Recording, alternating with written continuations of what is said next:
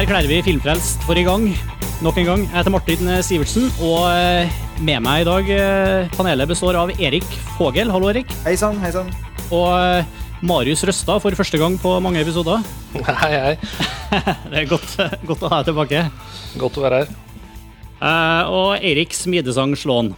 Med bra lyd. Med bra lyd for første gang med, med skikkelig mikrofon. På tide. Eh, Vi har bestemt oss for å la Filmfrelst bli en ukentlig eh, sending nå. Vi skal i hvert fall prøve oss med det og se hvor, lang, hvor, hvor, hvor lenge vi klarer å holde det gående. Men eh, det gir oss både mulighet til å korte ned litt på episodelengden, samtidig som vi egentlig alltid har følt at det burde vært en ukentlig sending. Så da, da prøver vi oss på det. Du hører nå altså på podkasten Filmfrelst. Du finner oss i iTunes eller på filmfrelst.no.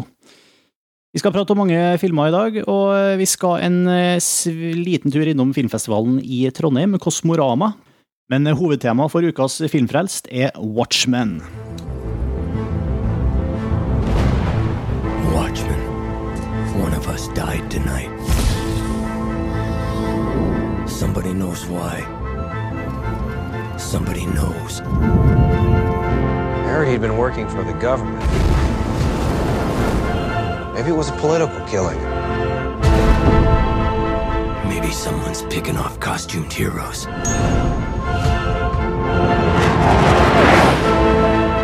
John thinks that there's going to be a nuclear war. What if Men vi begynner Watchmen. Alle har sett den her, bortsett fra deg, Marius. Ja, jeg har det. Eh, egentlig litt eh, pinlig, for den kom litt sånn bardus på meg. Uh, jeg kan ikke si jeg kjente så veldig godt i serien i det hele tatt, jeg, før dere begynte å snakke om dette her. Så nå har jeg vel researcha litt i ettertid og funnet ut at uh, var i svart der jeg har drevet med, som ikke har fått med meg denne.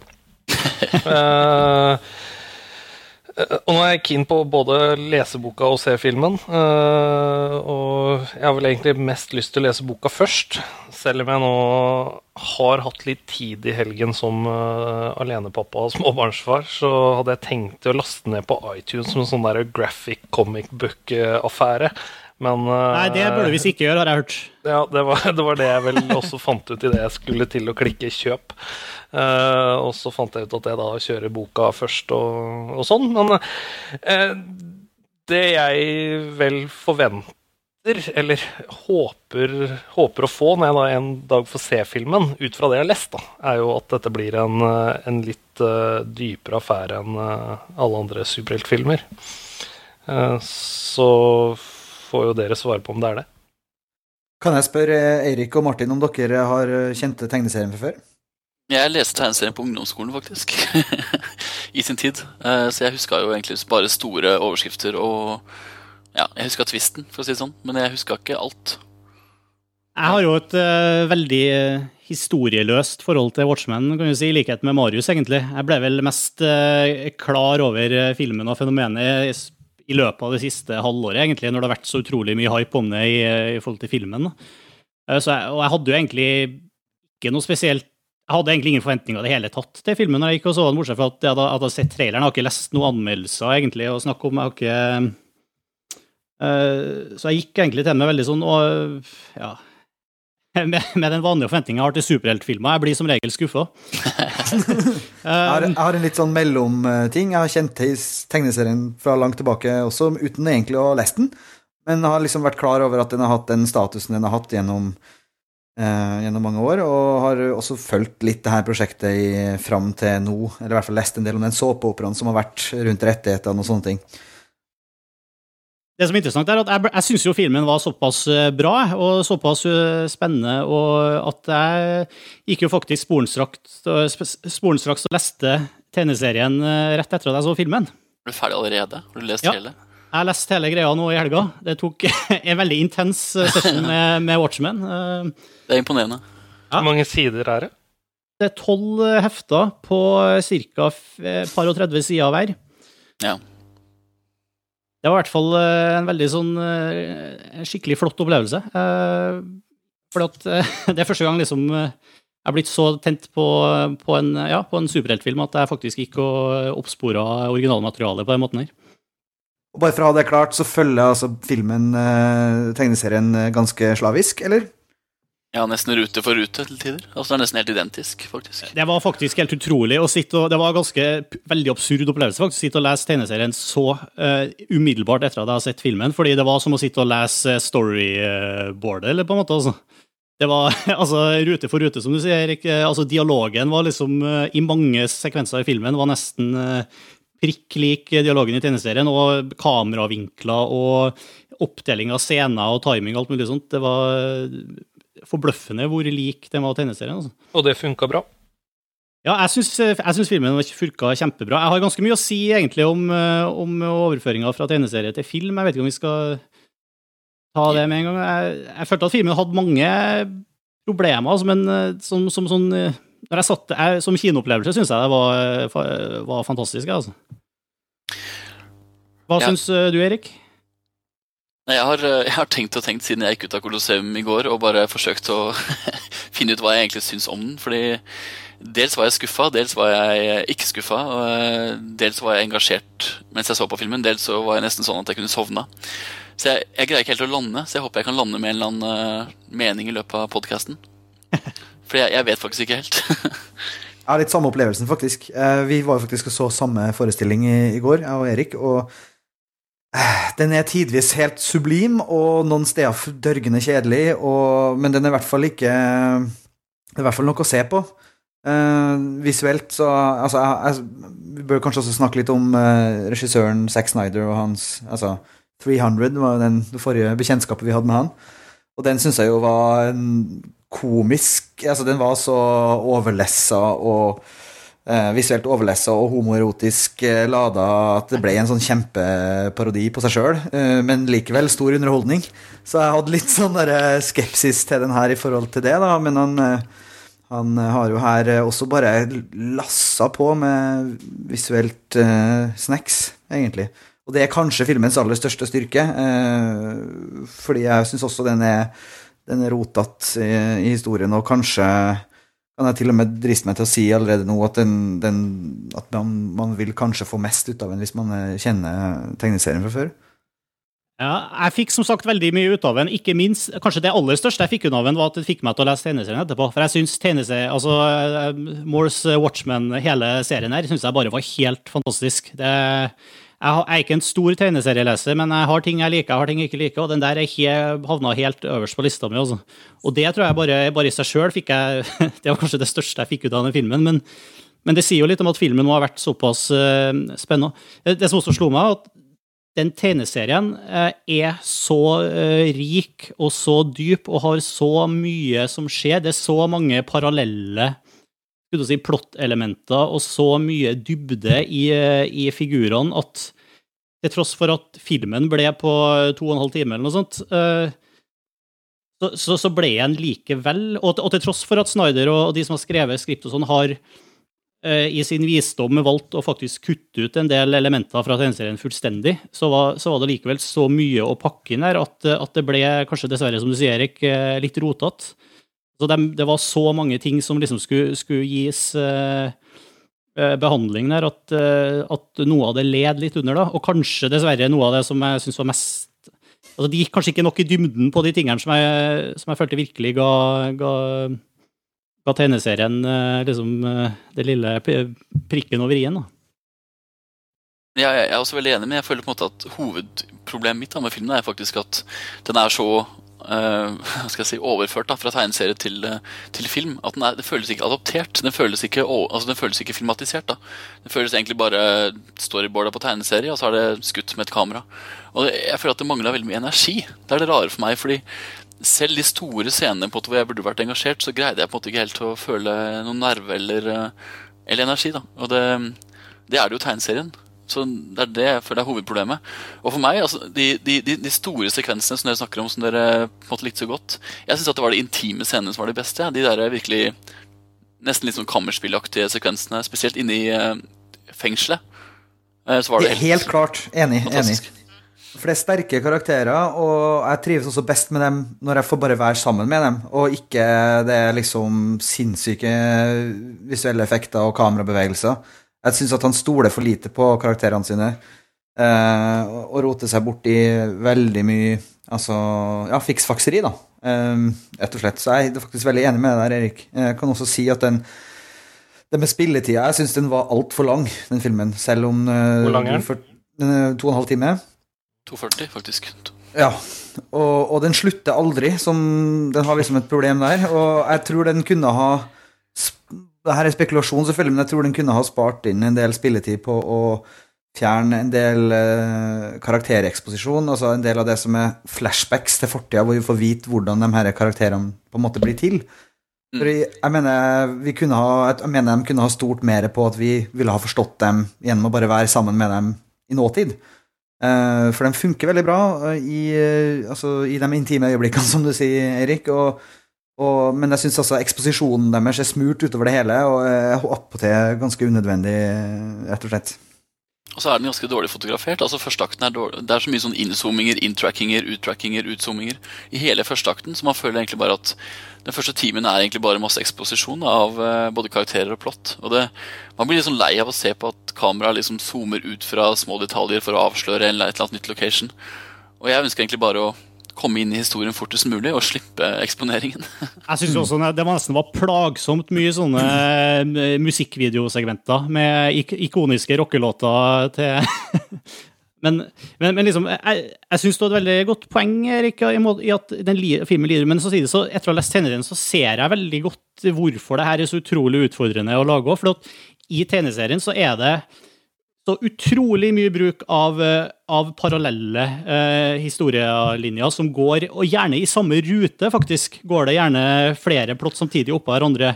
Og gjerne i, altså, eh, i forskjellige eh, tids... eh, altså både flashback og nåtid Nei, ja, flashback og nåtid kombinert i én og samme sekvens, liksom. og det, de gjør no, altså Den tegneserien er så utrolig dyktig på nettopp det der, og, og det eh, har vist seg kanskje å være veldig veldig vanskelig å overføre til film, da, fordi der er eh, Ja, jeg opplever det som at fortida blander seg inn i nåtida og, og, og roter det til. da. Uh, og jeg tror jeg ikke Jeg kan ikke forholde meg til tegneserien på den måten at Altså, jeg gikk ikke på kino i går for å se Eller for å få bekrefta det jeg allerede vet gjennom å ha lest tegneserien. Jeg gikk jo på kino for å få en filmopplevelse. Og Jeg så, jeg så jo filmen før jeg leste tegneserien, og var, ja, i retrospekt så ser jeg hvorfor det, hvorfor det folk sier at det her var en så vanskelig film å prøve. Altså Darren Aronofsky og han eh, hva er Monty Python, eh, Tim, hva er den? Terry Gilliam. Terry Gilliam har jo prøvd å lage filmen her før, så vidt jeg har forstått, og funnet ut at den var umulig. Mm. Og jeg, jeg ser på en måte litt hva de mener, altså. Men det er jo noe med at altså, man har jo likevel jo laget filmer av bøker som har vært mye mer komplekse enn en Watchmen opp gjennom årene. Så det er på en måte ikke det er, det er på en måte ikke en hindring for at filmen Altså Det gjør ikke filmen bedre, da, for så vidt, etter min mening. At den er så vanskelig å lage. Eh, men jeg synes det som, det som vi snakket om i forhold til eh, eksponering, jeg syns bare at det er litt sånn amatørmessig av og til. Det er litt sånn billig, og spesielt det som, som, som Erik sier med at den er ikke spesielt sofistikert i overgangene mellom fortid og nåtid. Er liksom, den er egentlig ganske simpel på de områdene, da, føler jeg. Åpningsscenen var jo en skikkelig sånn eh, Matrix Revolutions rip-off. Jeg vet ikke om det var flere som tenkte på det. Jeg bare tenkte Mm. Er når han uh, kom komedien blir kasta ut av ruta. Ja. Det, er jo, eh, det var som å sitte og se på Trinity eh, fyke ut ruta i åpninga på Matrix Revolutions. den gidder jeg aldri å se. jeg. Gjorde du ikke? Etter at, det, etter at det var et eneste stort rave-party i, i toeren som tok opp en halvtime, så stolte jeg ikke lenger på Wachowski-brødrene. Sorry. Ja, men da bør du ha en egen sending om Matrix-trilogien. altså. Det fins jo det, det finnes på det som heter fanedits.org.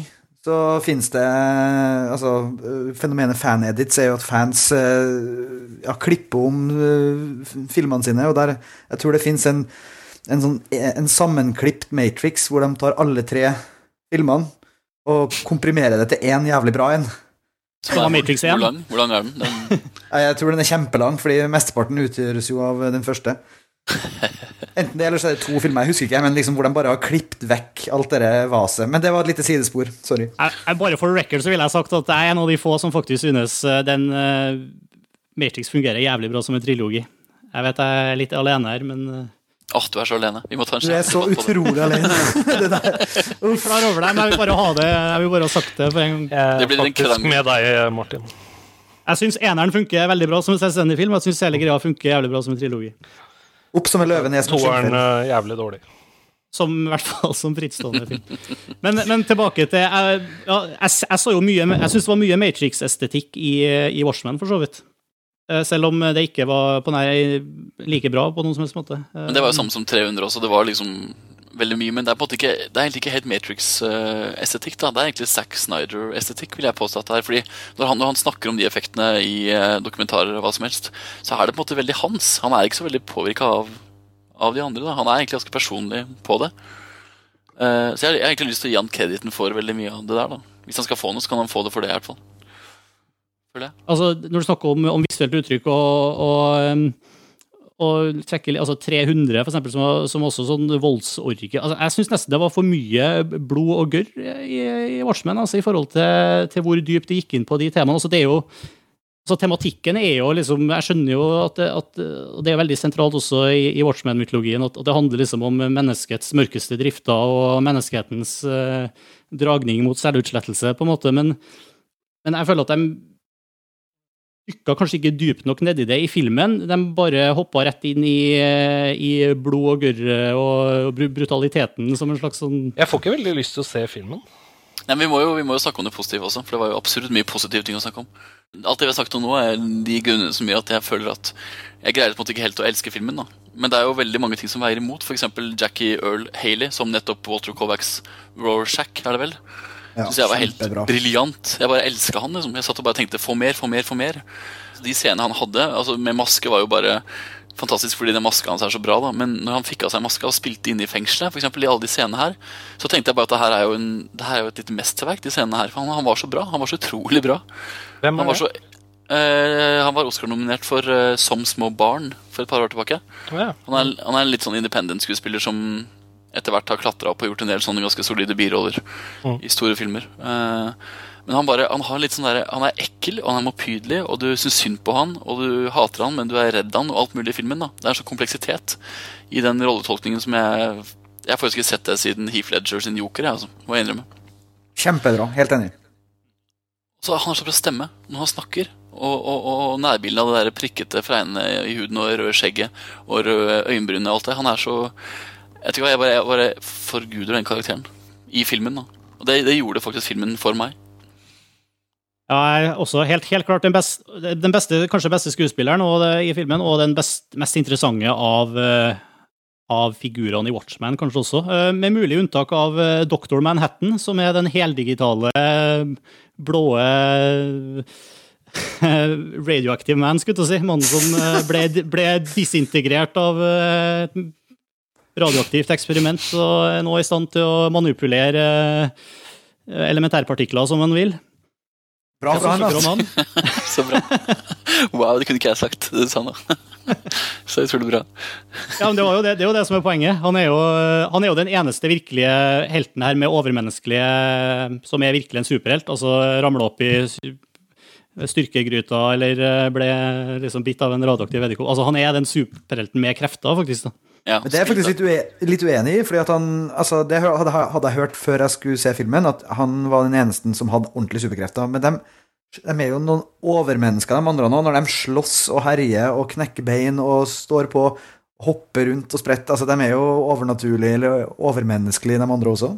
Ja, men han Ozymandias, Adrian White, for eksempel, som er så, over, som er så kjapp, og sånn, han har angivelig bare oppnådd det via eh, fysisk trening og meditasjon og Eh, han er så utrolig Altså, angivelig så er ikke det over oppnådd ved hjelp av uh, den type Styrkedråper. Ja, det er ikke styrkedråper, liksom. Men, uh, men, men, men, uansett, da. Han er Dr. Manhattan er fordi han er en heldigital figur oppi det hele, som i tillegg det var litt pussig. Han er jo naken i mange av scenene i filmen. Og Jeg satt jo også på det her i et kinosal hvor det var ti stykker totalt. Det var ganske bisart. Fredagskveld, eh, premierefilm, og det var ti stykker i salen. Hæ? Og alle, alle, sammen, bortsett fra meg, var eh, fjortiser. skulle du si. Det var åpenbart over 18 siden de kom inn. Men eh, det var knising i hver eneste scene hvor Dr. Manhattan dukka opp. men det er sånn som Hvis du går inn på, på, på, på uh, Twitter og søker på Watchmen, så får du opp veldig mye tissemannsamtaler på Twitter også. Ja. Veldig interesse for det. Men uh, det fins jeg faktisk, for å være helt ærlig. Billy Crudup, som han spiller, heter han som spiller uh, eh, Dr. Manhattan.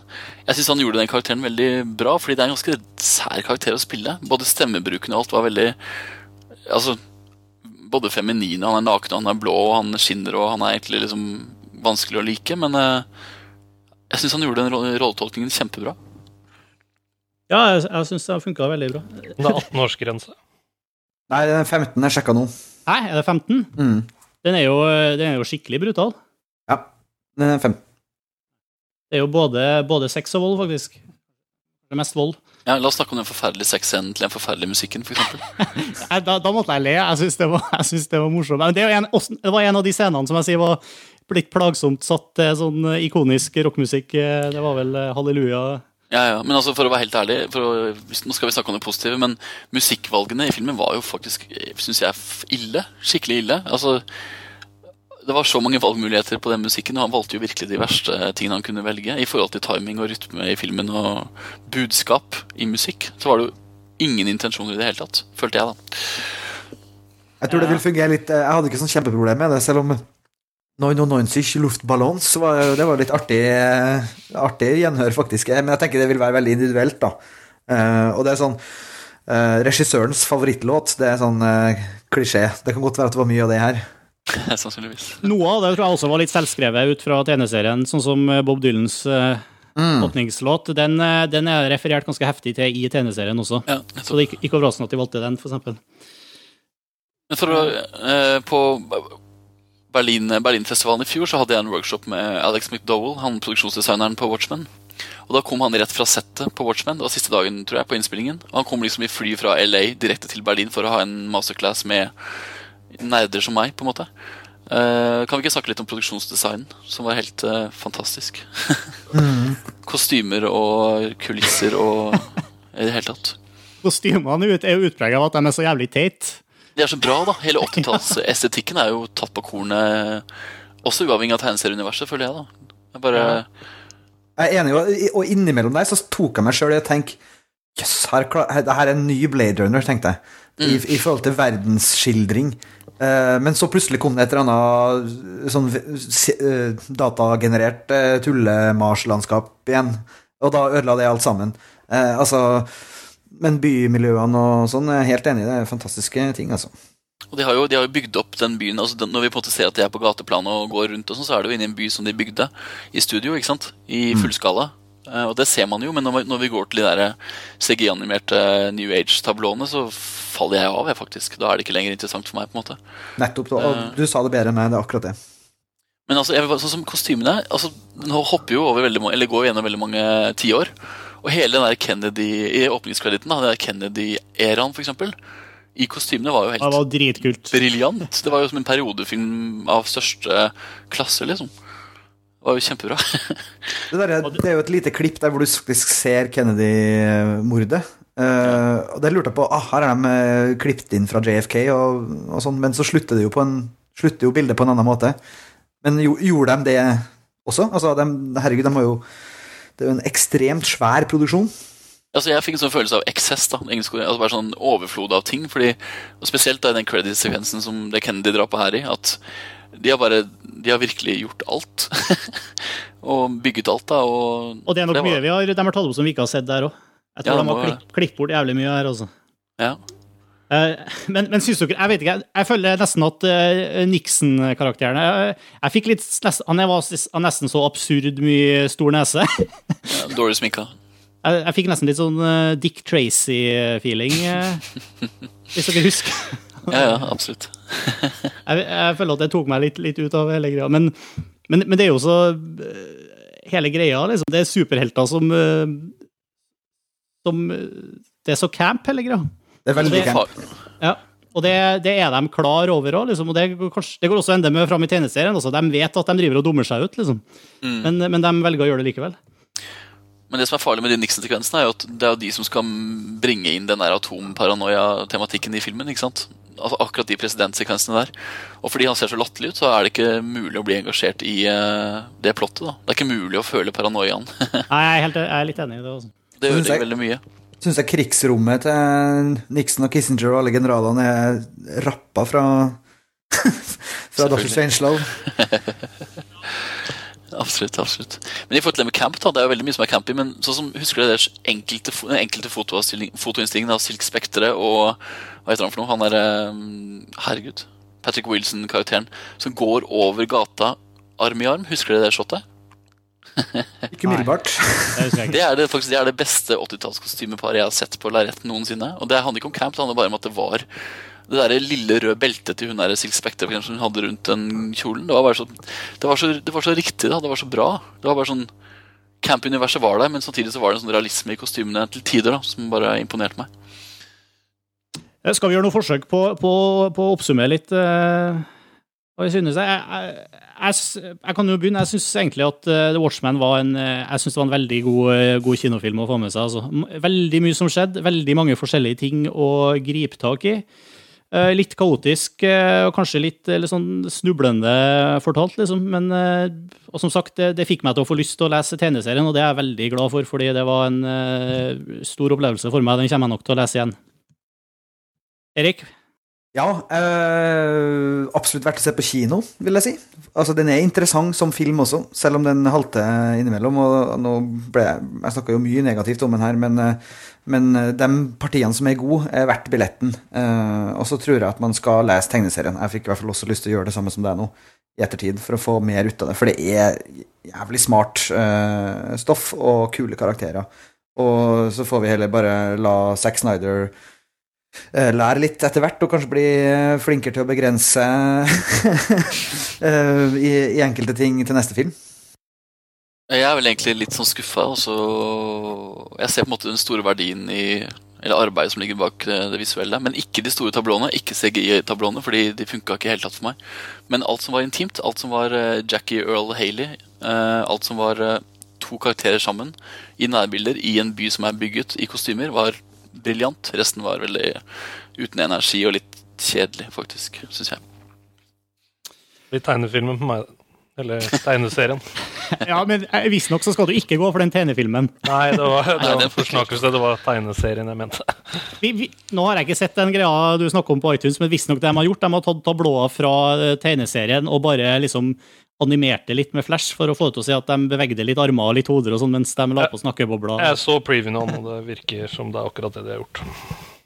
Ok. Jeg skjønte ikke hva, hva dere hva Nei, altså, det er laga en sånn animasjonsgreie ut av Watchmen før, nemlig. Motion comic. Ja. Med en slags sånn tegnefilmversjon av tegneserien. Den er visstnok veldig dårlig. Kortliva sjanger, det der. Jeg har lyst til å snakke litt om to, to ting jeg har sett som ikke har kommet ennå, men som kommer. Som er, eller altså med andre ord, jeg har lyst til å snakke om et par trailere. Uh, Terminator Salvation. Herregud. altså nå, Ting går jo fort på nettet, da, så det her er jo gammelt nytt når den podkasten her kommer, men, uh, men herregud, for en fet trailer. Jeg er enig. Jeg ble Helt helt solgt. Altså, det der kommer liksom i tradisjonen. Jeg, etter Watchmen altså, Jeg følte at Watchmen var en veldig sånn god start på det som ser ut til å bli et fantastisk sånn sci-fi action-år. altså. Nei, jeg, bare, jeg hadde helt uh, hakeslepp når jeg så den traileren. For, fordi Eh, altså, en, en ting er at den er regissert av MacG, som er kanskje det verste regissøren i Hollywood etter Brett Ratner. Eller Brett, Brett, Brett, Og så lagde han jo Charlies Angels, som jeg syns var helt horribel. eh. Ja, men og han er liksom ja, nei. Og han tar selvfølgelig over etter James Cameron, som er kanskje den største actionregissøren eh, noen har sett noensinne. på en måte Selv om det ikke var James Cameron som regisserte Terminator 3. da. Ja, men den har vi glemt, har vi ikke? Den var flau, og den har vi glemt. Jeg syns, hun er bedre enn sitt, enn sitt rykte. Jo, men altså, ok, men de som kom før den, da. Det var- to filmer før den som spesielt toeren er jo fortsatt er den beste actionfilmen, etter min mening, noensinne. Når to er klassisk. Legendarisk. Men altså, det var noe med at den traileren den var, Først så var den brutal på den der Terminator-måten, og den var visuell på samme måten som Terminator uh, for meg har vært. Da. Det er ikke likt, men det, er liksom, det var så mye tekstur, og jeg elska den teksturen som var i bildene. Ehm, og så virka det, det det brutale. da. Jeg digga det brutale elementet. Ehm, jeg bare, det Geeken i meg bare slo fullstendig ut. Ja, Samme her. Jeg synes det var bare så, Den kom helt uventa på meg. Altså. Greit, Man ser, så jo at det var noe i emning eh, når man så litt stills av Christian Bale og, og sånne ting, men, men herregud, det der eh, Men også som trailer. Det er vel trailer nummer to, er det ikke? Det er kanskje det. For Jo, det var vel en sånn eh, teaser som ikke viste noen ting, nesten. Den teaseren ble jeg absolutt ikke noe intent på. Jeg gleder meg til den ikke bare i kraft Altså Uansett så gleder jeg meg til alt som skjer i Terminator-serien, på en måte, men eh, jeg er helt enig, den traileren bare tok Det må være overhånd. teaseren jeg har sett, da. Ja. For du ble ikke engasjert. Nei, ikke så mye, i hvert fall. Hva, hva, skjedde, hva skjedde i teaseren, da? Husker du hva som skjedde? Hva, det var jo sikkert teaseren du så. Ja, nei, jeg husker jeg, Et par måneder siden jeg sånn, tror jeg. Ja, men da er det nok kanskje det som er mest avslørende i den traileren, er vel at den begynner å gå inn på litt sånn eh, tematikk som du har i Battlestar Galactica. Uh, måte at uh, folk går rundt og, og er maskiner uten å vite, uten å vite sjøl. Mm. Det er kanskje det mest sånn, store plott-elementet som ble røpt i, i den traileren. Ja, du solgte den godt nå, Martin, når du begynte å dra inn Battlestar Galactica. Marius Røstad hater Battlestar Galactica. Nei! Gjør det det? Det er den beste serien på kjempelenge. Nei, fy faen, vi kunne hatt syv podkaster om bare det temaet. Vi kan ha det som en sånn underbruk av Filmfrelst, eh, som er bare sånn krangling. Ja. Men uh, Spesielt interesserte. jeg er, helt, jeg er litt enig med Erik. Jeg er fortsatt skeptisk til altså Jeg klarer fortsatt ikke å tro at det blir en virkelig kongefilm, i og med at det er McGee, og, eller McGee, eller hva han heter. Og, altså, det, det lover ikke bra i utgangspunktet, men den traileren er skikkelig selling point. altså. Nå gleder jeg meg til å høre om trailer nummer to. Jeg, nå. ja, trailer nummer to, det var Star Trek. Ja. Ja, faktisk litt samme følelse. JJ Abrams. Ja, og jeg tenkte, altså Den har jeg vært litt skeptisk til eh, en god stund. Jeg, også da, jeg har litt sånn forhold til Star Trek. Jeg tror jeg var Jeg var og så den eh, Den siste Star Trek-filmen som gikk på norske kinoer. Det var Star Trek 3, Mm. tror jeg. Eh, Search for Spock, var det ikke? Eh, og den, Ja, eh, og den eh, Så jeg har Var det da eh, Spock døde? Ja. Ja. Og, og så jeg har jeg har eh, et lite sånn Star Trek-hjerte eh, inni meg. Eh, og jeg håper den, eh, den leverer den eh, filmen, altså, men jeg syns den traileren var viste lovende ting. Jeg reagerte litt på Jeg syns kanskje CG-grafikk Altså, CG-grafikken var helt eh, annerledes enn i Terminator. Eh, Jeg syns Altså, den, den mangla rett og slett tekstur i forhold til det, til det du sa om, om Terminator-traileren, Erik. Mm. Men eh, samtidig er det kanskje litt mer i tråd med Star Trek-estetikken òg. At der er det jo rett og slett litt mer eh, skolerent. Det er litt mer i tråd med regissøren, for det er jo JJ Abrams er jo en veldig estetisert, ganske glatt regissør, visuelt. Tenk på uh, Alias og uh, herregud, den derre Jeg, jeg, sitter Mission, kikker på Mission, Fringe. Mission Impossible øh, 3, Tre, ja. og Lost. Unntaket er jo Cloverfield, selvfølgelig, som var akkurat det motsatte, men han er jo egentlig en veldig sånn ja, Litt sånn uh, rødfarger og blåfarger og gulfarger og Jeg syns han er veldig mellom. ujevn. Han er veldig ujevn. Han er regisserte for øvrig, han for øvrig ikke Cloverfield. Ah, nei, selvfølgelig ikke. Han var jo bare produsent. Stemmer. Men det er jo Jeg vet ikke, jeg jeg reagerte også litt på James T. Kirk som ung. Han var jo nesten Han var så utrolig pretty boy. Han eh, skuespilleren Han må, han må kanskje være det, jeg vet ikke. Og, og, og Siler som Spock, det er jo veldig bra valg. Det er veldig kult. Det er kjempekult. Så kommer jo Avatar også. De må jo begynne å skjerpe seg. eh, Med å begynne, komme på banen med litt footage snart, for å hevde seg i, i den her eh, sci-fi-krigen for 2009. Start the hype machine. Og du har jo helt glemt Transformers 2, som også hadde en kongetrailer. Ja, den har jeg glemt med vilje. Altså, jeg synes jo Jeg vet at Eirik digger Transformers. eh, Jeg syns Transformers 1 var en skikkelig møkkafilm, men eh, Det som, er, det som er gøy, er den store debatten som foregår nå mellom Michael Bay og MacG om hvem som eier kjemperobotene etter den Terminator Salvation-kjemperoboten. ja, ja. Men den, den traileren var dritkul, syns jeg. Men Hvis du, går inn, hvis du går inn på bloggene til da, spesielt Michael Bay, så driver han sånne hatkampanjer mot uh, MacG for å ta, Det er det er jo han som har satt i gang kjemperobotene, mener han. Så de har sånn kjempe Ja, det er skikkelig voksent. Det er veldig voksent, men det er jo da to gutt, guttunger som lager film på massivt budsjett, så det er kanskje naturlig. Ja. Ja, så er jeg utrolig spent på Tron 2 også. Med Daft Punk-musikk. Eller Daft Punk, som de kanskje Det heter. var vel i fjor, det, på om det var Comic-Con, hvor det var noen, eh, en sånn presentasjon av Tron 2. Hvor det var noen som hadde filma med mobilkameraet sitt bortimot eh, sånn liksom, i, i smug når footage de viste, og det så jo bare helt fantastisk ut. Jeg er stor Tron-fan. Men så kom Disney sine åtte advokater og saksøkte gutta. Det gjorde de Er det sikkert. Det var veldig morsomt. Det var der ute, ute i tre dager, og så forsvant det ganske fort. Jeg rakk å se Det det. var. Det var bra. Jeg går litt uh, tilbake, for nå ble det mye sci-fi for meg. Uh, oh, jeg så en annen trailer Nei da, det er greit, det, men uh, faen, det var bare sci-fi, jo. Eh, jeg så en annen jeg har trailer i mer går, sci-fi på lur, altså. Det er fint, det, Martin. Eh, Public Enemies. Ja, Michael Mann. Ja! Eh, Det første- med første- Jeg ser så fet ut. Med Johnny Johnny Depp. Som eh, John Yep. Dillinger. Mm. Altså, det er jo én ting Michael Mann kan, og det kan, kan det er å lage eh, Nei, det heter kan når det er trening. Det er én ting han kan, og det er å lage bankran. Ja.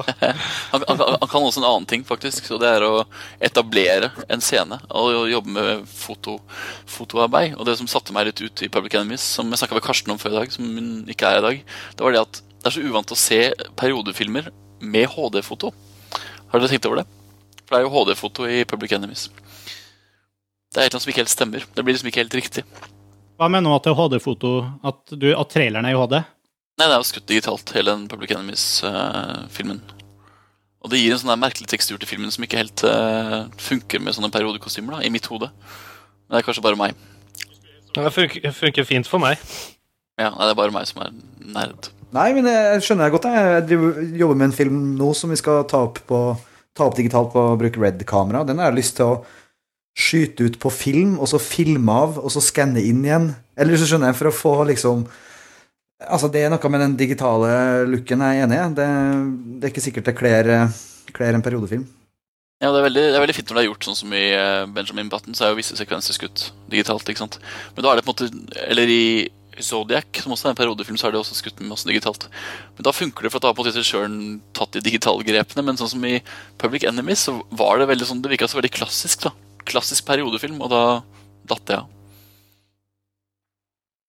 Men Johnny Depp, Johnny Depp, herregud, det blir jo man, Hva skal man si? Det blir sikkert kjempebra. Jeg la merke til nå at Tron 2 ikke kommer før i 2011, så den, eh, den må vi vente lenge på. Herregud. Ellers altså Changeling. Ja! Oi. Clint Eastwoods Changeling. Jeg har også sett den. Jeg så den i Cannes på Cannes-festivalen. Jeg, le, jeg leide den i HD på Apple TV. Ah, of course. Hva syns du? Jeg syns den var veldig bra. Jeg likte den veldig godt. Eh, Jeg, har- jeg, jeg har faktisk ikke, jeg har faktisk ikke Nå skal jeg tråkke litt i eh, Hva heter det? Tråkke litt i Ja, ikke sant. Salaten. Men eh, jeg har tråkket litt i, i salaten. Jeg har faktisk ennå ikke likt en Clint Eastwood-film. Eh, før, før jeg så Changeling, og den uh, syns jeg var veldig bra. Uh, jeg synes uh, Jolly er jo én ting, hun spiller bra, men det er noe med at han, den der kryssklippingen mellom de to historiene, uten å spoile de to historiene, men altså måten det er satt opp mot hverandre, de to historiene som filmen handler om, det er så, det er så, det er så bra. Det er så kjempebra. Og så er den skikkelig ekkel, hele filmen. Det er en eh, faktisk skikkelig grusom film. Jeg tror jeg satt med tårer i øynene i mange eh, sekvenser der. Og det er ikke en, er ikke en hyggelig film å se, men eh, den er basert på en sånn historie. Og som jeg Altså, jeg tror ikke jeg ville ha godtatt den filmen Jeg tror jeg ville hatt store problemer med, med rett og slett akseptere den filmen for det det er, altså hvis jeg ikke visste at det var basert på en sånn historie, fordi den er så, så horribel. Men det er veldig morsomt i USA, for den her ble jo altså Etter at Clint Eastwood har fått nesten carte, blanche i forhold til Oscar de siste årene, så ble den her avvist av hele akademiet og fikk nominasjon for beste kvinnelige hovedrolle men, og beste produksjonsdesign, tror jeg. Men etter det, utenom det så ble den jo bare neglisjert, men den fikk jo kjemperos på Kampfestivalen og var jo egentlig favoritt til Gullpalmen. Og mange har jo snakka om at det er en historie fra USA som faktisk veldig få i USA egentlig kjenner til, da, og som veldig få vil vite om. Og dermed så har den bare nesten blitt neglisjert. og avvist, både av akademi og publikum. Det eneste jeg har utsett på altså, jeg- Det er jo liksom en sånn eh, Den filmen som Eller en av Det er vel et par filmer som har gjort det samme, som liksom skal som, Hvor Angelina Jolie er i en ikke-babe-rolle, på en måte. Hun spiller jo liksom mor og går rundt i ikke-tettsittende klær og er på en måte veldig eh, menneske... Men hun Jeg syns nesten at eh, Og hun spiller jo godt, det er ikke det, men hun ser eh, nesten umenneskelig ut, syns jeg, i i store deler av filmen. Altså, hun er så, så ordinært eh, Hun er ofte likblek i hans eh, sminka og eh, røde lepper og enorme øyne. Hun ser liksom litt sånn alien ut gjennom hele filmen, føler jeg. Mm. Syns jeg nesten var, nesten var litt sånn eh, Gjorde det vanskelig å koble meg til den, eh, den figuren. da. Jeg, jeg, jeg, jeg også var passiv veldig lenge pga. Jolie, for jeg, hun er liksom Jeg syns det er vanskelig å godta henne, sånn som du sier. Men eh, fram til eh, et punkt, og det er den der øksescenen, uten å snakke om hva det egentlig handler om, men den øksescenen, hvis du husker den, Skal jeg veldig godt, selvfølgelig. som er det verste, jeg, eller verste og noe av det beste jeg har sett på kino i hele mitt liv. Jeg var, etter det så var jeg bare sjokkert. Og satt med åpen munn og bare Ja. Jeg aldri Jeg var så ødelagt etter å ha sett den scenen i den filmen. Det var en av de scenene jeg ikke ville akseptert, som sagt. Ja, men det er noe med første lyssettingen og fotarbeidet til Tom Stern i den scenen, og det er noe med skuespillet til de det handler om. og som du sier da, at du ikke ville akseptert det, men så vet du at det har skjedd. Du vet at det er ekte, og det gjør det, gjør det så utrolig sterkt. da. Og etter det så godtok jeg egentlig både Jolly og John Malkovich, som også var litt karikert, syns jeg. Og da godtok jeg egentlig på en måte det meste. Har du ikke sett Gran Torino, da? Nei. Nei. ingen, ingen, ingen.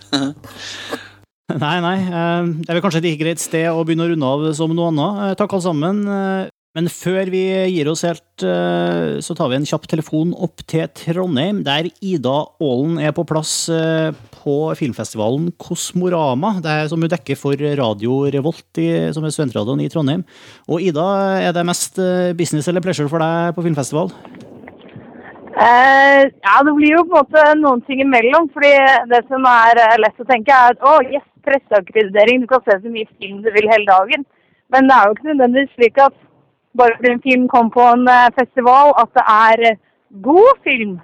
Så det blir mye dårlig film innimellom også, så sånn sett så blir det vekselvis business og pleasure, da. Betyr det at du har sittet gjennom mye, mye dårlig film? Er det det du prøver å fortelle?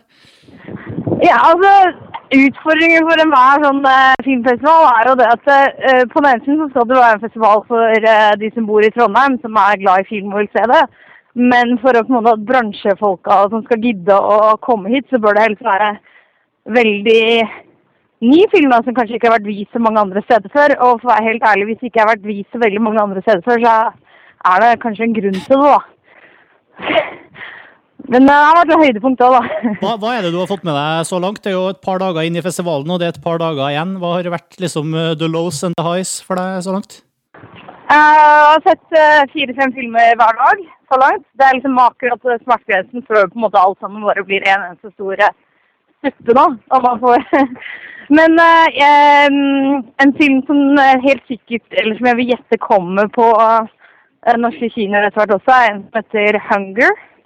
Som er en em, eh, filmatisering om eh, IRA-fanger som eh, sultestreiket og protesterte for å få eh, status som politiske fanger. Det er en jævla ubehagelig og jævla intens eh, film, men eh, utrolig godt eh, skuespill, eh, blant annet. Da. Jeg fikk med meg at uh, Das Båt skulle vises eh, i, eh, i, på, på Dora i Trondheim, som er altså de gamle ubåthangarene. Ja, det har vært eh, slått bra an. Og det er jo på en måte sånne arrangementer det. Er jo eh, sånn eh, Kosmorama prøver å balansere det der med eh, hensynet til Trondheims kinopublikum versus mer sånn eh, bransjefolk og nerdene. Vi har en del sånne arrangementer på siden de, som de gjør til mer events, da. Så tilsvarende så var jo, viste vi jo Orks også, eh, med, ja, med masse korpsmusikanter i salen og greier. Så eh, det er de flinke til, og det virker som det slår an veldig hos eh, det lokale publikummet. da, sånn. Men hvis du ser fire-fem eh, filmer om dagen, det er jo mer enn en film, rene filmvisninger som, som foregår. Det er jo konkurranser og workshops og litt sånn forskjellig. Har det ble noe tid til å få med seg noe av det, eller? Ja, det er jo mange som får også det, men jeg må være så ærlig Altså, når man først har anledning til å se så mye film som man aldri ville fått sett ellers, så prøver jeg å bo så mye i kinosalen som mulig. Men så har det vært mye, de har vært flinke ellers til å finne eh, altså Det er sånne masterclass med f.eks. om horrorfilm. Jeg hadde en venninne som var i går og så um, manuslesning eh, fra en film som var under produksjon og sånne ting. Og det, de eventene tror jeg Kosmorama egentlig er veldig gode på. altså Egentlig sterkere der enn egentlig utvelgelsen av filmene. For det blir mye likt, da, det skal sies om Kosmorama. Det blir veldig Året etter år så blir det litt for mye sånn to timer og 20 minutter lange filmer om at livet er så hardt i Øst-Europa når du er alenemor. Ja, for det, for det som er i nå, er jo to timer og 50 minutter lange filmer om at livet er så hardt som superhelt. Ja, ikke sant? Eh, I morgen så er den store galla-prisutdelinga. Er det noe du har tenkt deg på? Eh, Jeg, jeg har vært der en eh, Jeg var der for et år siden eller to, så var jeg på prisutdelingen, men det ble Altså, jeg er, veldig, jeg er fra Oslo, så jeg er en Oslo-mann, men jeg har bodd i den byen her i fire og et halvt år nå. Og, men man får liksom litt den der følelsen av at her prøver man å leke-Oscar-utdeling. Man, prøver- altså, man vil så gjerne at det skal være glamorøst, men det er egentlig Vi er i Trondheim. Trondheim er ikke så jævla glamorøst, egentlig. da. Så det er kanskje en litt sånn litt awkward affære tidligere år, syns jeg. da, Fordi de, de prøver, og så bommer de litt. Men, men. Sånn må det kanskje være. Eh, du skal, vi skal la deg gli videre inn i eh, festivalmodus igjen. Eh, Da sier vi bare tusen takk for at du også tok deg tid til å prate med oss her i Filmfrelst. Ja, det var bare hyggelig. Nå er jeg jo rett ved kinoen, så skal jeg løpe inn og se The Investigator. Nettopp. Det blir bra. Da får du ha en god film. Takk skal du ha. Ha det bra. Det var altså Ida Aalner fra Radio eh, Revolt, og du kan høre mer eh, på programmet Filmofil, som også er tilgjengelig som podkast. Og med det avslutter vi denne Filmfrelst-episoden. Vi er altså over på ukentlige sendinger nå. Derfor er det også litt kortere enn de tre første episodene våre. Eh, Men det også betyr at vi høres om én uke, og da skal vi prate om Milk og en rekke andre filmer, selvfølgelig. Sjekk oss ut på filmfrelst.no. Send oss mail podkast at filmfrelst.no, eller legg igjen eh, kommentarer i iTunes. Vi skal prøve å få med oss alt sammen. Vi høres.